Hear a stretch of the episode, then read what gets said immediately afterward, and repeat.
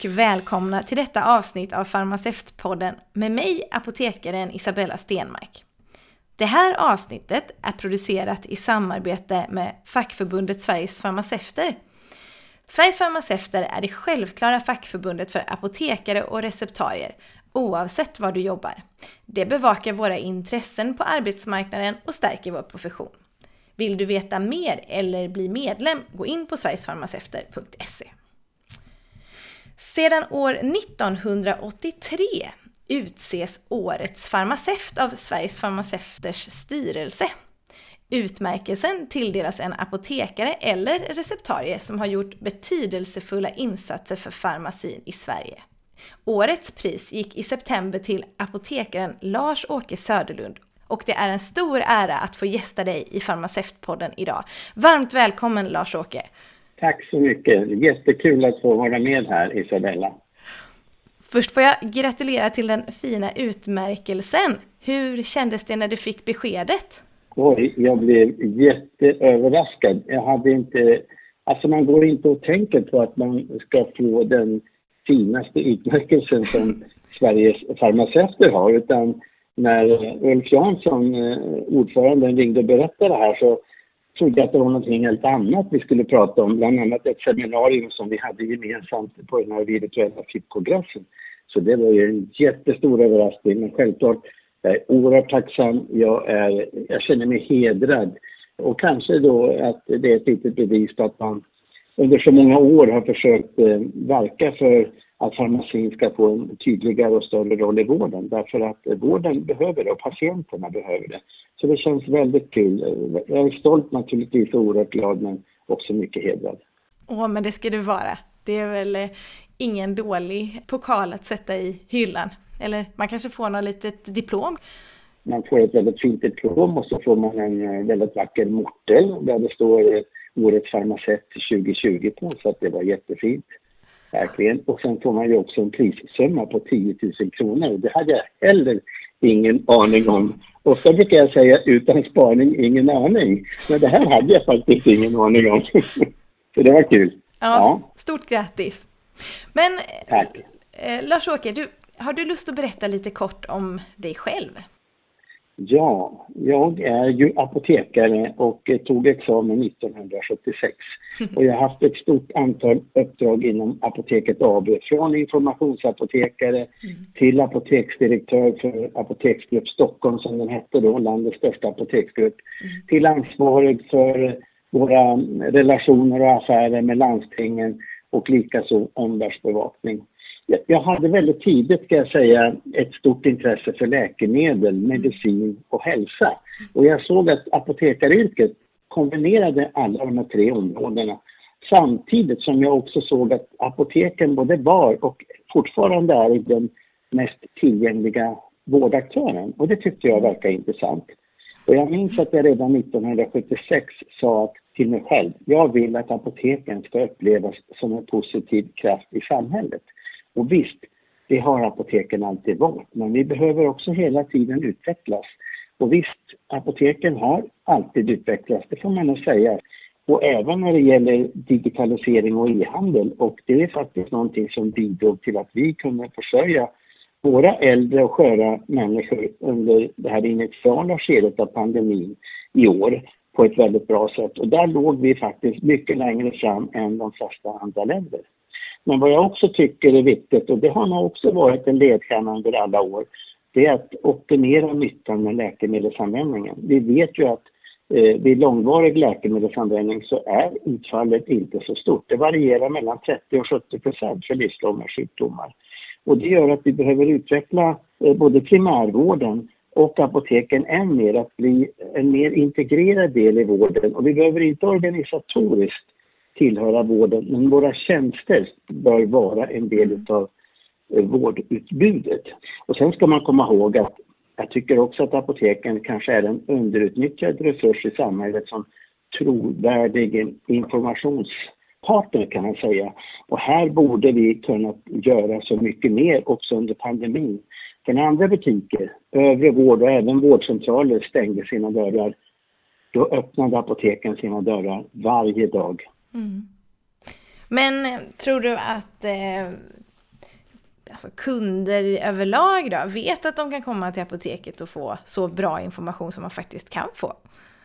Ja, eh, till viss del. Eh, men, men samtidigt brukar jag säga att eh, patients don't know how much you care until you show how much you care. Alltså de vet inte alltid eh, allt det vi skulle kunna göra för att förbättra läkemedelsnyttan. Där tycker jag Koll på läkemedel har varit ett väldigt bra exempel där vi i partnerskap med eh, pensionärsorganisationerna, de tre största i Sverige, faktiskt har jobbat, men också tillsammans med vård, för att eh, minska förskrivningen av olämpliga läkemedel. Och det har ju gjort att de här organisationerna verkligen förstår och har insikt i vad apoteken kan bidra med för att förbättra deras hälsa.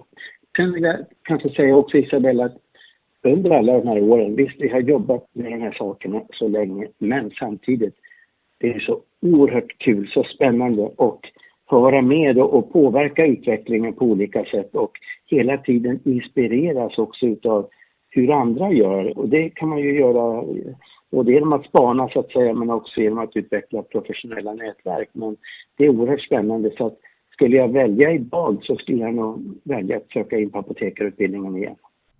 Och det är ju ett väldigt bra betyg. För det kanske inte alla kan säga om sitt val av yrke, att man hade gjort samma val igen. Nej, men jag tror inte heller alla våra farmaceuter känner till vilka möjligheter som finns egentligen till en annan kompetensutveckling utanför den ordinarie, så att säga, den som arbetsgivaren tillhandahåller. Till exempel att delta i de här stora internationella kongresserna där man verkligen får se hur utvecklingen går framåt inom så många olika områden olika länder när det gäller tjänster, Eh, bättre läkemedelsnytta och så vidare, egenvård, eh, prevention, screening av sjukdomar. Det är oerhört mm. spännande. Ja men det är lite så för man, eh, jag ångrar inte heller det. Jag kommer aldrig ångra att jag är apotekare. Jag är jättestolt över det. Men man måste ja. själv ha ett driv också att eh, lära sig mer, alltså att utveckla. Och det finns ju hur mycket som helst att lära sig. Så att jag gillar min bakgrund och det jag står på. Så det har vi nog gemensamt då kanske. Ja,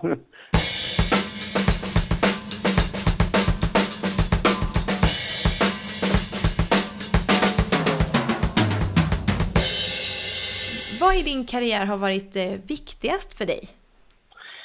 Ja, det, är faktiskt många olika saker tycker jag. Dels tycker jag allt har varit så oerhört spännande eh, i de olika roller jag haft också. Så att jag har alltid funnit mig väl till rätta på, på många olika sätt. Men eh, ledarskapet i sig, det tycker jag alltid har varit väldigt intressant. Jag har alltid drivits av att se andra utvecklas, medarbetarna utvecklas, växa. Men också kan man säga de insatser som varje dag görs på våra arbetsplatser, på de apotek som jag har jobbat på. Och varje dag så kvalitetssäkrar ju vi personalen i på apoteken receptexpeditionen. Och på engelska så säger man ju dispensing och det låter så enkelt men egentligen så är det ju en högt kvalificerad kvalitetssäker expedition av ett receptbelagt läkemedel med tillhörande rådgivning. Så mm. dispensing låter så väldigt enkelt men det är faktiskt någonting ganska avancerat. Sen tycker jag kulturen alltid har varit viktig. Att det är vi tillsammans som ett team som skapar värde, som skapar resultat och att tillsammans så firar vi också de här segrarna. Jag nämnde koll på läkemedel. Det har varit, tycker jag, oerhört framgångsrikt och där har vi då jobbat tillsammans med de tre pensionärsorganisationerna, eh, de största i Sverige med nästan 900 000 medlemmar. Mm. Och eh, vi startade 2008 så att det är ju 12 år nu men det tar lång tid att eh, åstadkomma förändringar men det är möjligt om man är både uthållig och långsiktig. Och eh, idag så är det ju över 80 000 personer över 80 år som har fått en bättre läkemedelsanvändning. Det tycker jag har varit oerhört häftigt att bidra till att de här äldre eh, eh, människorna faktiskt blir ambassadörer för sin egen hälsa. De är likvärdiga medskapare av sin egen hälsa och de vågar ställa de här tuffa frågorna till, till eh, förskrivarna och det tycker jag varit oerhört häftigt. Och faktum är att eh, till exempel Trosa som kommun eh, har 0% olämpliga läkemedel förskrivna till sina äldre. Det är väldigt ovanligt. Jag tror att det är svårt att komma ner till noll. För vissa olämpliga läkemedel, läkemedel, till exempel antikolinergika, eh, de behöver man också när man blir äldre. Men de har ändå lyckats eh, jobba med det här på ett väldigt systematiskt och strukturerat sätt. Så det har varit häftigt. Men sen att utveckla vården i samklang med apoteken, det har också alltid varit mitt intresse. Eh, och jag är helt övertygad om att apoteken har stora möjligheter att bidra till en mer kostnadseffektiv vård. Högre kvalitet och lägre kostnader, inte minst nu efter pandemin också.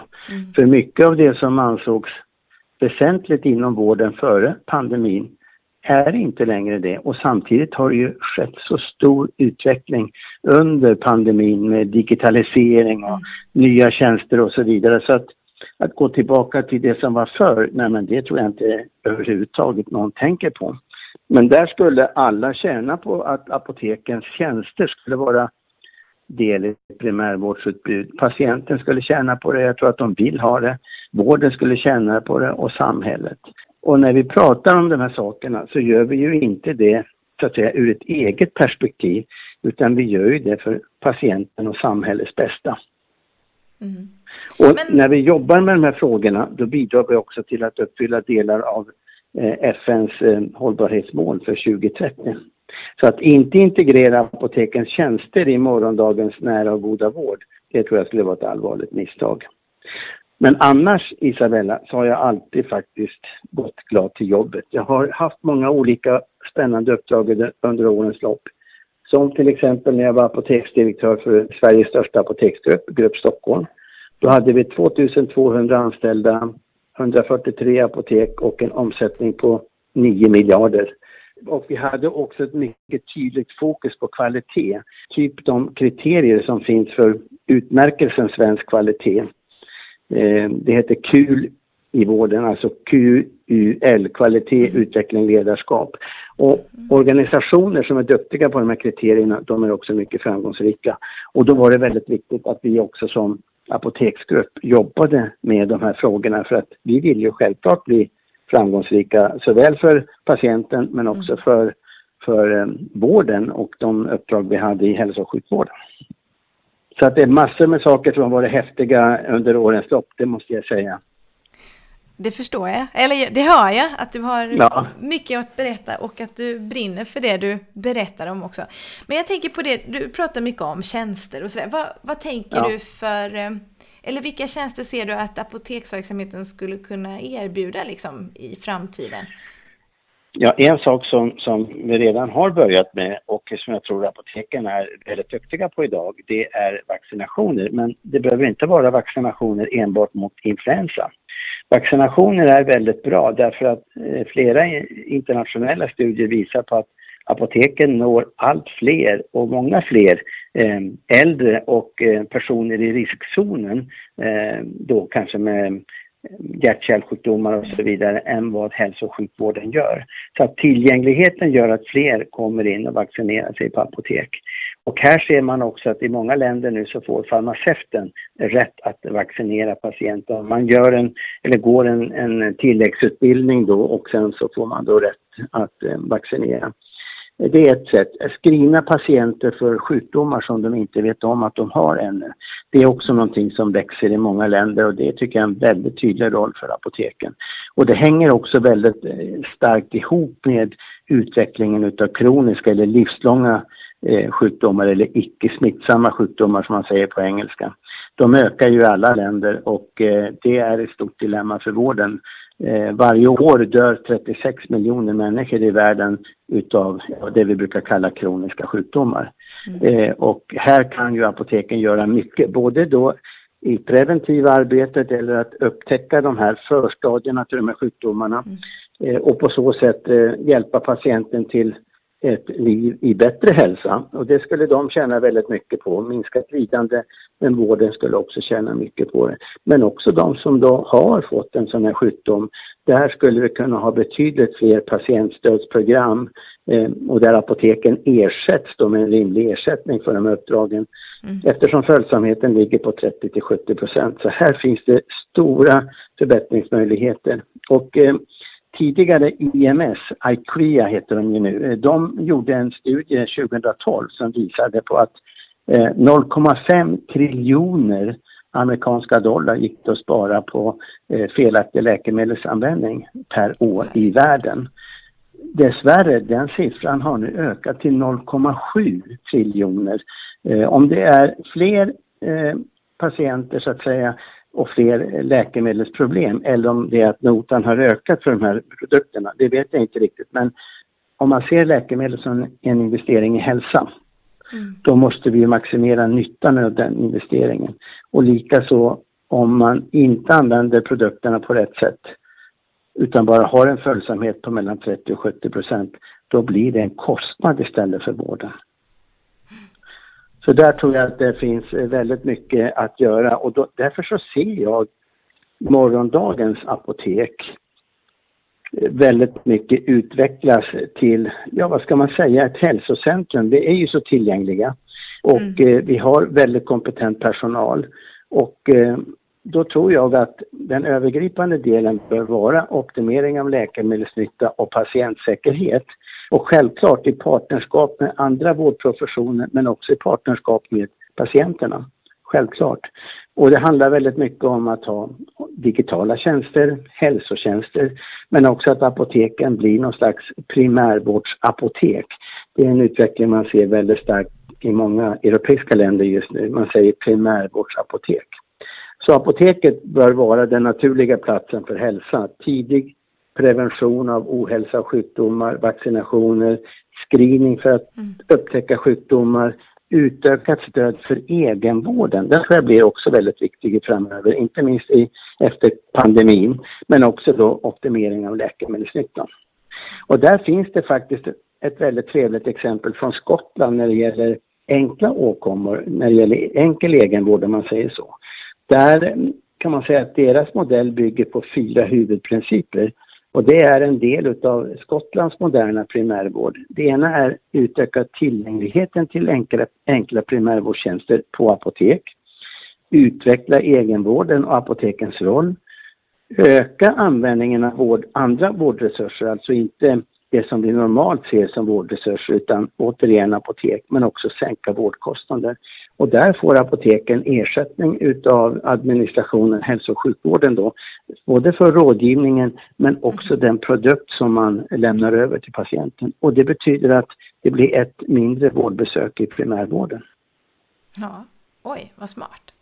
Ja. Men men du berättade att vissa länder screenar för olika kroniska åkommor. Ja. Hur har de löst det rent praktiskt då? Man får ett resultat, förmedlar apoteket eh, en kontakt med en förskrivare sen då eller får kunden bara informationen och får ta det vidare själv? Det finns eh, olika modeller då i olika länder beroende på hur primärvården är utvecklad. Men mm. eh, jag tror att de mest framgångsrika länderna, där handlar det väldigt mycket just om att man samverkar med varandra och att apoteken då kan man säga lämnar över resultatet till eh, patientens läkare mm. och att det är han eller hon då som tar den vidare eh, kontakten. Det är nog det vanligaste.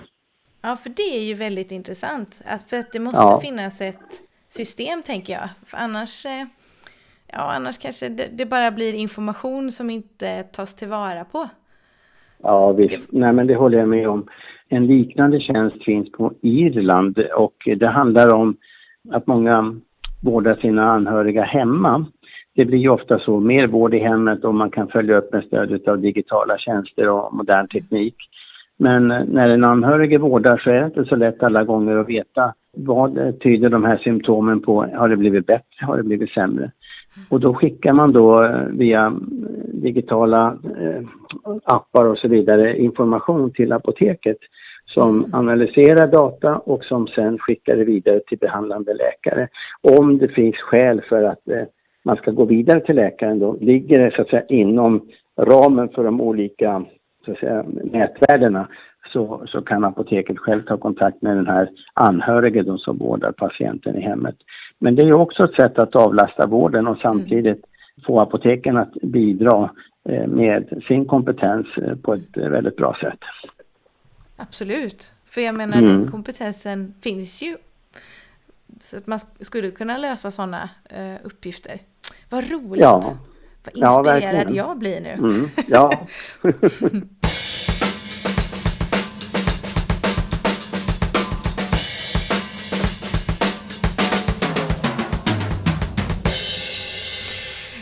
ju olika uppdrag inom FIP.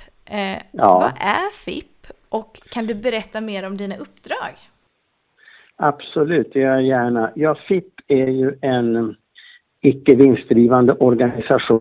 Det är den enda globala apoteksorganisationen. Och eh, eh den har samverkat med WHO officiellt sedan 1948 och den här samverkan den blir bara starkare och starkare nu för varje år som går. Inte minst nu med pandemin men också då i kampen mot de här kroniska sjukdomarna. FIP eh, baserar sig på tre hörnpelare kan man säga.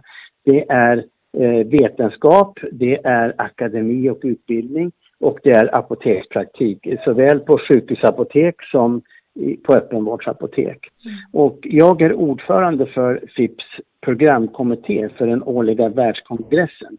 Och där utvärderar vi då ett antal olika förslag eh, till seminarier utifrån ett antal fastställda kriterier. Och målet är ju att skapa en spännande, och intressant och attraktiv kongress.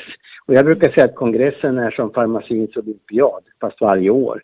Och alla blir vinnare, dels det som de som delar med sig av sina projekt, eh, sin forskning och dels de som får möjlighet att lära sig av vad andra presenterar. Och sen hela tiden möjligheten att utveckla nya professionella eh, nätverk inom läkemedelsforskning, utbildning, apotekspraktik. Så FIP vilar på de här tre grundpelarna och dessutom nu med all den tekniska utvecklingen så växer de här ihop allt mer och mer tycker jag. Men sen är jag också president för FIPs öppenvårdsapotekssektion. FIP har via sina 159 medlemsorganisationer över hela världen totalt cirka 4 miljoner farmaceuter som medlemmar. Oj. Och eh, jag är ju då president för öppenvårdsapotekssektionen och det är den största sektionen därför att de flesta apotek i världen finns ju då ute i samhället. Mm. Eh, och eh, där inom vår sektion så har vi väl över 3 miljoner medlemmar via de här medlemsorganisationerna. Och vi har precis nu presenterat en ny vision för öppenvårdsapoteken globalt.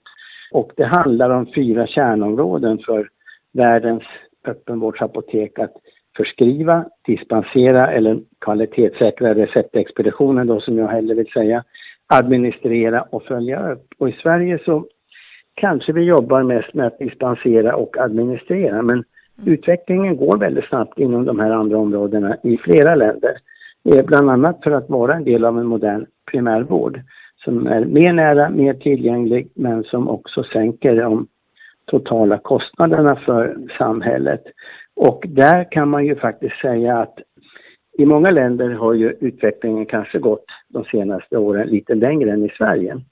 Och pandemin har eh, också medfört att i ett flertal länder så har de regulatoriska myndigheterna gett farmaceuten möjlighet att förnya ett recept för kroniska sjukdomar utan att man behöver kontakta sin läkare. Mm.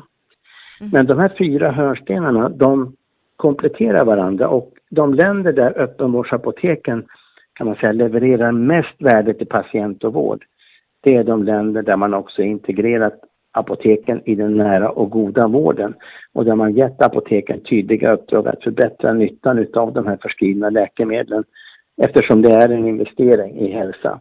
Och då har man olika typer av program och där apoteken ersätts också för sina insatser. Och här nyttjar man också då apoteken som första länken i vårdkedjan. Till exempel pratade om här om screening och tydligt utvecklad egenvård bland annat i Skottland och Australien. Och i vissa länder får också farmaceuten möjlighet att förskriva läkemedel. Så allt det här jobbar FIP med mm. och eh, vår inriktning då i den här nya visionen, den stöds ju också utav Världshälsoorganisationen som ser apoteken och farmaceuten som en viktig resurs i att förbättra hälsan. Vad roligt! Så att jag skulle faktiskt rekommendera Isabella alla att bli medlemmar i FIP. Det är ett väldigt eh, bra tillfälle att utveckla sitt professionella nätverk och jag blev ju då invald i, kan man säga, öppenvårdssektionen 2013 och eh, blev därefter, bara efter några år, president för sektionen och tillika då ordförande för hela programkommittén. Och det är ju fantastiskt eh, hur man inspireras utav att se all den här utveckling som sker i olika länder och det borde vi ta hem och anpassa och försöka eh, både dra lärdom och nytta av i Sverige. Men då kan alla bli medlemmar i FIP då? Det visste faktiskt inte jag. Ja, det stämmer. Vi har en studentsektion, det International Pharmacy Student Federation, som är, kan man säga, eh, kopplade till FIP, där vi har studenter från hela världen och de har också sina årliga kongresser i olika delar av världen, där man då pratar om vad som är viktigt för studenterna och de är väldigt mm. proaktiva och också utvecklar program, förslag för, för den här stora årliga världskongressen. Sen har vi också Young Pharmacist Group där man eh, tror jag kan vara med upp till man är 33-34 år. Och eh, de är fantastiskt duktiga på att utveckla både intressanta program, ledarskapsprogram, men också eh, program kopplade till FNs hållbarhetsmål eller kroniska sjukdomar och så vidare. Och den gruppen tycker jag är jätteviktig för yngre farmaceuter därför att det är de som ska bli framtidens ledare. Mm. Så jag vill att de får en allt större plats i FIP och, och, det jobbar vi väldigt mycket på nu. Så där skulle jag rekommendera många svenska yngre farmaceuter att gå med. Men annars så finns det grupper för de som jobbar inom regulatorisk verksamhet, läkemedelsindustri, eh, akademin, alltså universitet. Det finns grupper för alla och mm. det fina är ju att allas bidrag bidrar ju till att utveckla professionen i hela världen och nu med den här moderna tekniken så växer ju alltihop mycket, mycket mer än tidigare. Ja, vad kul. Ja, det ska jag ja. kolla upp. Ja, gör det. Mm. Och du har ju ägnat mycket av ditt yrkesverksamma liv åt att arbeta för hur farmaceuten kan öka patientsäkerheten. Vad är patientsäkerhet för dig? Ja, patientsäkerhet, eh, det är ett eh, Eh, kan man säga ganska vitt begrepp egentligen, eller hur? Mm. Men egentligen så, dels i grunden har ju vi i Sverige en patientsäkerhetslag och den mm. syftar ju till att främja en hög patientsäkerhet inom hälso och sjukvården och också inom tandvården. Och patientsäkerhetslagen den tar ju sin utgångspunkt i patienten. Och patientsäkerhet för mig det har många olika perspektiv. Eh, och egentligen så handlar det om att minska risken för skador i vården mm. och för apoteken att minska risken för negativa effekter av behandlingen.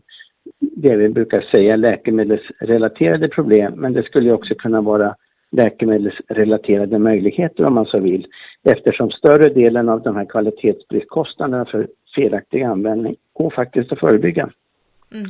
WHO, de har olika typer utav patientsäkerhetsprogram och ett som jag tycker är väldigt spännande som startade 2017 och pågår i fem år det är Medication without harm.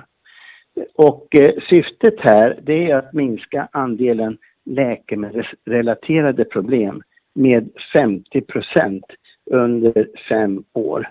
Och eh, det här har ju fått stort genomslag i många länder. Jag har själv varit i Kina och, och jobbat en del med det här, för jag var inbjuden som konsult dit. Men jag kan ju tycka att man har inte hört så mycket av den här satsningen i Sverige. Det är ju en global satsning och man vill att regeringar, departement och andra myndigheter analyserar vad som kan göras och utveckla planer för det här. Och vi vet ju att följsamheten till livslång läkemedelsbehandling Eh, även i Sverige kan förbättras. Och då kan jag tycka att vi borde jobba med det här tillsammans med hälso och sjukvården för att utveckla en plan för att hur vi ska faktiskt få bättre läkemedelsnytta i Sverige och samtidigt försöka ta bort de här kvalitetsbristkostnaderna. Mm. Vi vet ju att, ehm, som jag sa, koll på läkemedel har varit framgångsrikt att minska risken för läkemedelsskador genom att ta bort olämpliga läkemedel. Det är ju också en form av patientsäkerhetsarbete. Men vi vet också att var tionde patient på en medicinklinik i Sverige hamnar där på grund av olämplig eller felaktig läkemedelsanvändning. Och det är klart att en omfattande läkemedelsanvändning, det är ju självklart för många en nödvändighet. Det förbättrar livskvaliteten och förlänger livet. Men det innebär också en ökad risk att till exempel hamna på akuten eller råka ut för en fallskada om det är ett olämpligt läkemedel. Mm. Och eh, därför är det här viktigt även för Sverige att jobba med. Det pågår ju mycket arbete i hela vårdkedjan för att få till en så bra läkemedelsanvändning som möjligt. Både från den forskande industrin till sjukvården och till apoteksledet. Men vi vet ju kanske inte exakt hur mycket felaktig läkemedelsanvändning kostar i Sverige. Vi har pratat uppemot 20 miljarder. Men även om det skulle vara 10 miljarder så är det ju oerhört mycket pengar mm. som kan sparas in och användas till något annat. Men också bidra till ett minskat lidande för patienten. WHO, eh, de tycker att det här är viktigt för apoteken att jobba med därför att de säger att det hänger ihop med den roll som farmaceuter bör spela i hälso och sjukvården och det hänger ihop med dokumentet God apotekssed. Så det finns väldigt tydliga kopplingar till apoteksledet tycker jag. Så att eh, allt det här det är väl liksom patientsäkerhet för mig. Men kort sagt att eh, optimera nyttan av insatt läkemedelsbehandling, då är det en investering i hälsa. Har vi kvalitetspriskostnader, ja då blir läkemedlet en kostnad istället för den här investeringen i hälsa. Och jag har ju stora förhoppningar om nationella läkemedelslistan, att det ska förbättra en hel del.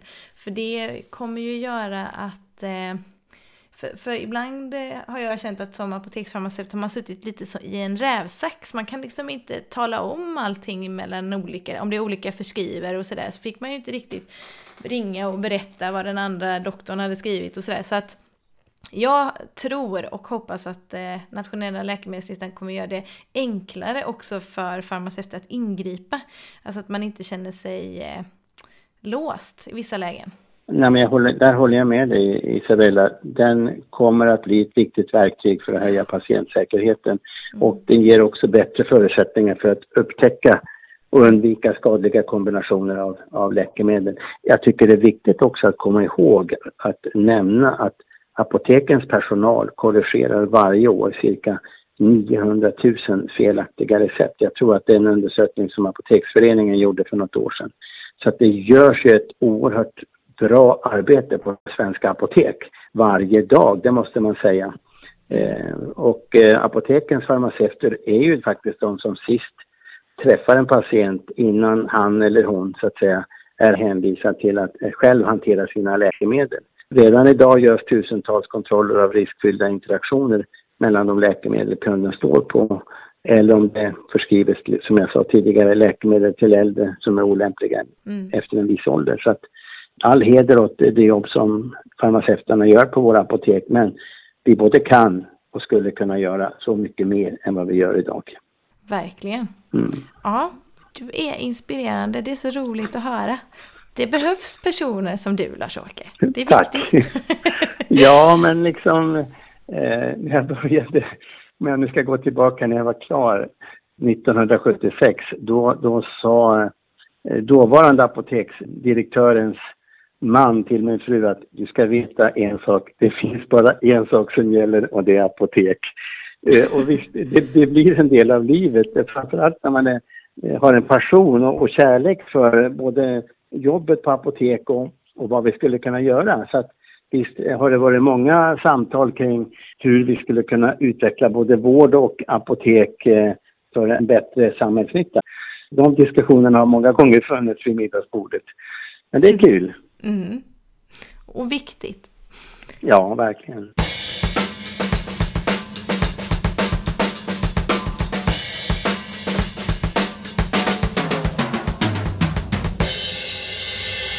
På vilket sätt tycker du att farmaceuten bäst bidrar till patientsäkerheten då? Ja, det är ju farmaceuten som har kunskapen om läkemedel och dess effekter, såväl positiva som negativa. Och patienterna, de kan ju lita på att apoteken förmedlar en ansvarsfull rådgivning som grundas på kunskap om hur läkemedlen fungerar, hur de ska användas, hur de interagerar med varandra och vilka eventuella biverkningar som kan inträffa. Och det handlar i högsta grad om att värna patientsäkerheten. Och eh, apoteken har ju faktiskt ökat i antal eh, under de senaste åren efter omregleringen och mm. tillgängligheten med den. Och därmed har också apotekens potential att kunna utveckla läkemedelsrådgivning i vårdkedjan ökat.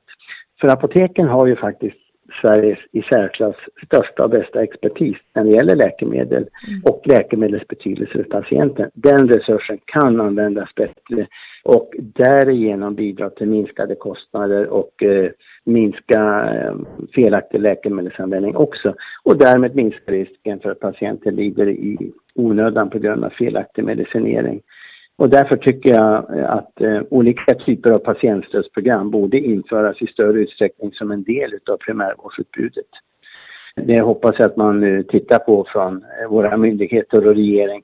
Att inte inkludera apotekens tjänster som en del i primärvårdsutbudet i den nya, moderna och eh, nära primärvården. Det skulle vara ett allvarligt misstag, för det är precis det, inte misstaget, men det den typen av utveckling vi ser i så många andra länder och mm. vi borde ha det även i Sverige. Mm.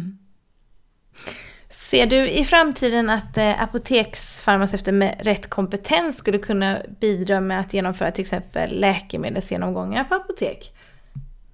Ja, det ser jag absolut att man skulle kunna göra eh, och jag tror att det är väldigt viktigt att man gör det i samverkan med övrig hälso och sjukvårdspersonal.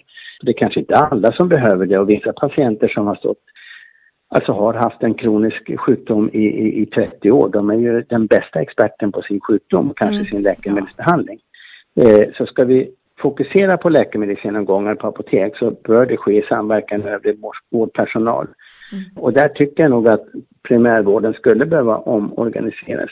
Koll på läkemedel gjorde faktiskt en undersökning, eh, kanske inte var helt vetenskaplig, men vi kontaktade ett stort antal landsting i Sverige och frågade på vilket sätt de genomför läkemedelsgenomgångar till åldersgruppen 75 år och uppåt, för det är så lagstiftningen är skriven.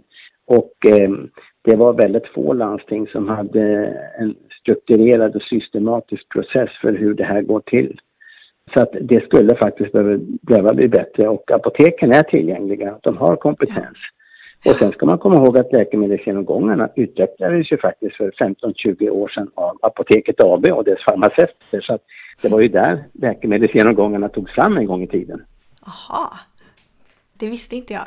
Jo, på den tiden eh, innan omregleringen, jag tror att när det fanns stimulansbidrag för det här också, då gjorde nog apoteket 100 000 läkemedelsgenomgångar i samarbete med vårdpersonal mm. per år. Det var en fantastisk siffra. Ja, verkligen. Och, och, självklart, det bästa är ju att göra rätt från början. Så är det ju. Ja. eh, och, men, men däremot, eh, eh, och det tror jag är viktigt, och där har vi ju EES i Sverige som är ett väldigt bra verktyg.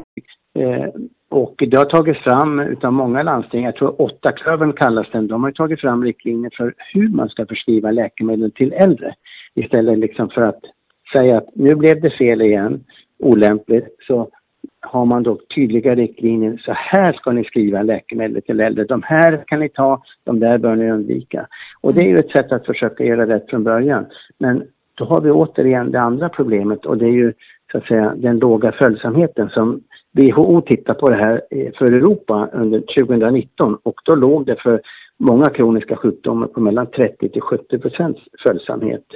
Eh, och det betyder att det finns en stor förbättringspotential genom till exempel patientstödsprogram för att höja den här följsamheten och därmed bidra till en bättre hälsa och färre återinläggningar i vården och så vidare. Så att ja, det mesta hänger ihop. Ja. Och jag förstår ju att du har ju rest mycket och kan mycket om olika länder och har varit i Kina till och med. Det var intressant och spännande. Men om du får välja en sak som du skulle vilja ta med från ett annat land eller från andra länder till Sverige, vad skulle det vara?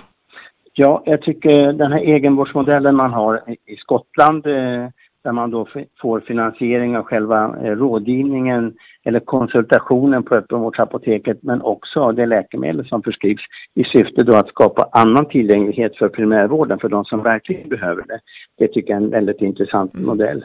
Jag tycker apotekets tjänster som en del av primärvården, där sker en väldigt spännande utveckling i Portugal och Spanien. Och sen har vi i vårt grannland Norge och även Storbritannien den här tjänsten Ny medicinservice där man då har en strukturerad uppföljning av nyinsatta läkemedel till patienter under en tidsperiod där man också då har en nära dialog med förskrivande läkare. Men det gör ju att man mycket snabbt kommer in så att säga på hur man ska använda läkemedlet på rätt sätt och bidrar då till en bättre hälsa.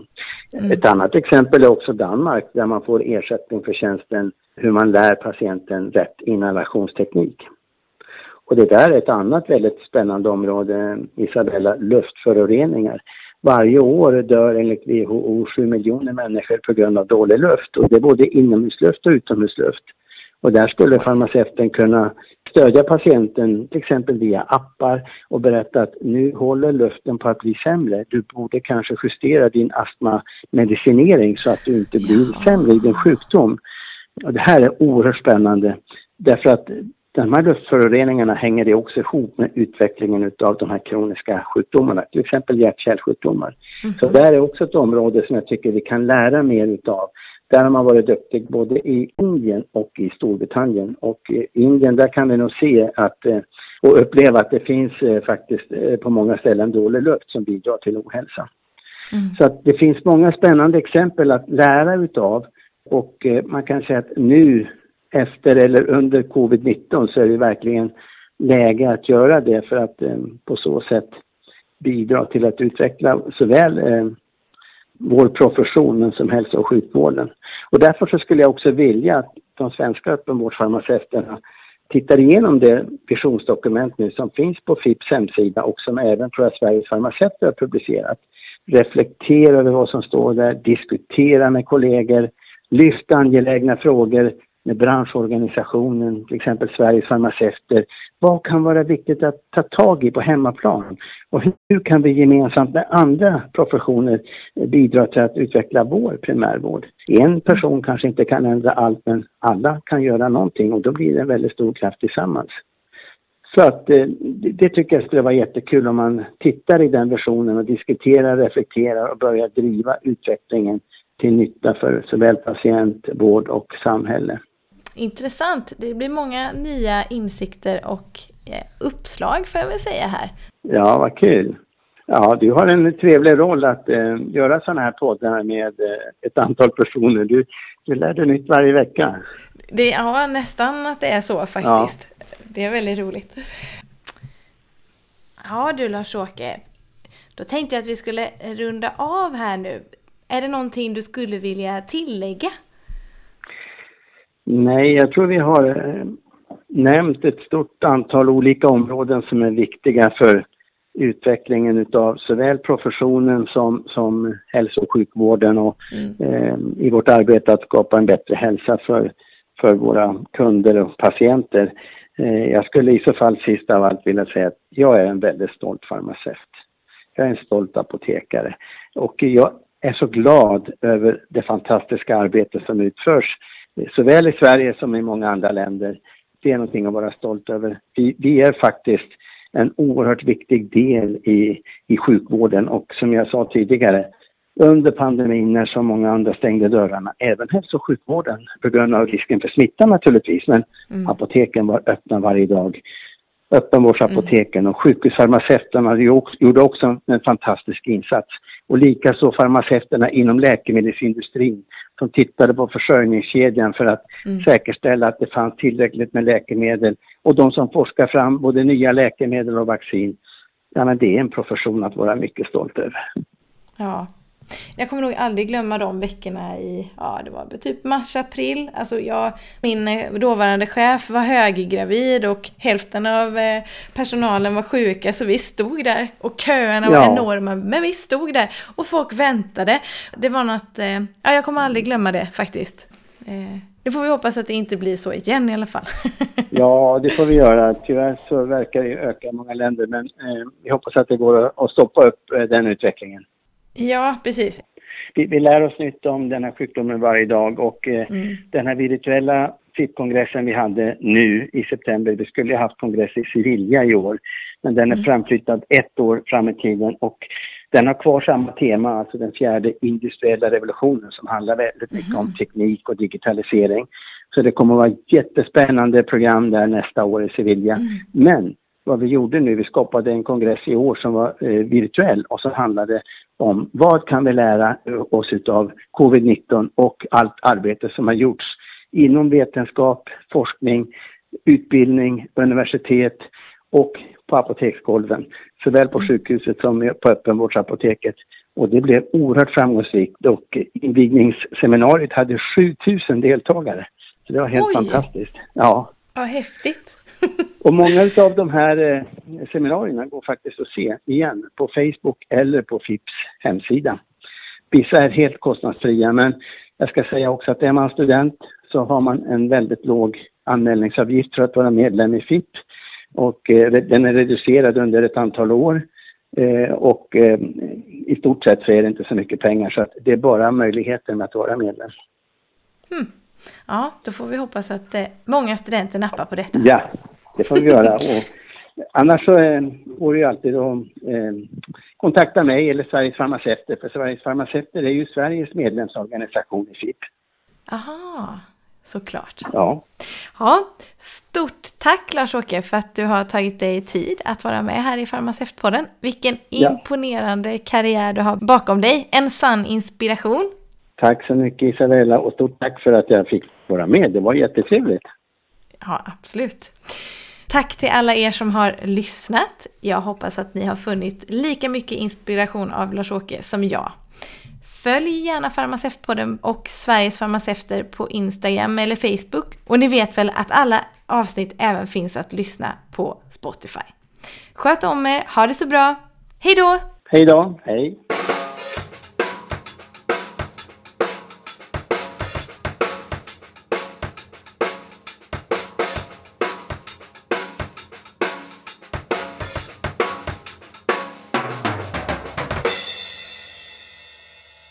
Producerat av Isabella Stenmark i samarbete med fackförbundet Sveriges farmaceuter.